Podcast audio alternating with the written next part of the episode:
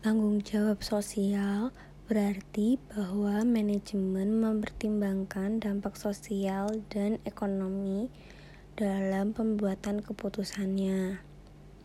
Tanggung jawab sosial perusahaan ini merupakan salah satu tugas yang harus dilakukan oleh para manajer organisasi perusahaan karena aspek ini merupakan syarat utama bagi berhasilnya perusahaan, terutama untuk jangka panjang. Dengan demikian, manajer sekarang dituntut untuk mengimplementasikan etika berusaha, terutama dalam hubungannya dengan langganan, karyawan, penemu teknologi, lembaga-lembaga pendidikan, perusahaan-perusahaan lain, para penyedia, kreditur, dan lain-lain.